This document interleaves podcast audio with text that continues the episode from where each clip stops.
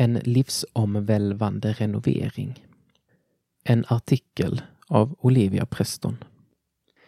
Tänk dig att du är ett hus med renoveringsbehov. I tapeterna frodas mögel, kranarna droppar och väggarna är sneda. Det är uppenbart att huset behöver renoveras, men ingen verkar intresserad av att göra det. Så plötsligt en dag får huset en ny ägare. Den nya ägaren ser husets potential och börjar renovera. När Jesus flyttar in i ens liv påbörjar han en stor, livslång renovering.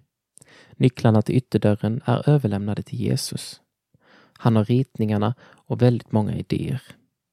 Ibland förstår jag hans tankar. Att tapeterna behöver bytas ut, rören lagas och väggarna rätas upp är ganska självklart. De mest uppenbara synderna och problemen rensas bort. Men sen gör han grejer som jag inte riktigt hade räknat med. Han börjar fixa med rum som jag vill ha kvar precis som de är. Jesus har en annan plan för mig än vad jag har. Han vill inte bara renovera bort det som är uppenbart problematiskt. Nej, han vill uppgradera hela huset. Det är ju han själv som ska bo där. Att lämna nycklarna. Jag brukar tänka på liknelsen med huset när det känns svårt att lämna allt till Jesus och följa honom. I de olika artiklarna i det här numret av insidan ser vi att det är precis det han vill ha. Hela mig, hela livet. Det är inte smärtfritt att renoveras.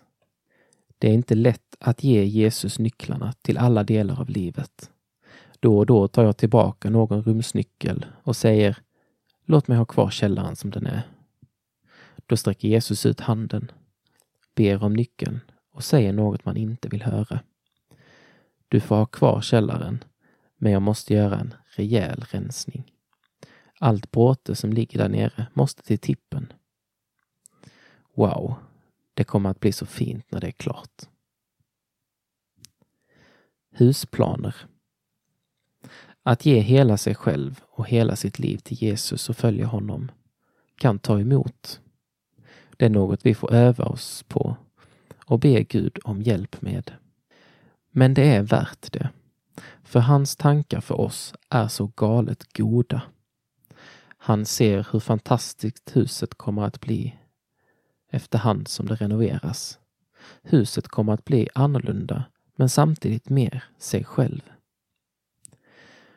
Om det känns jobbigt att ge rumsnycklarna till Jesus en efter en är det en stor tröst att hans renovering är både kärleksfull och meningsfull.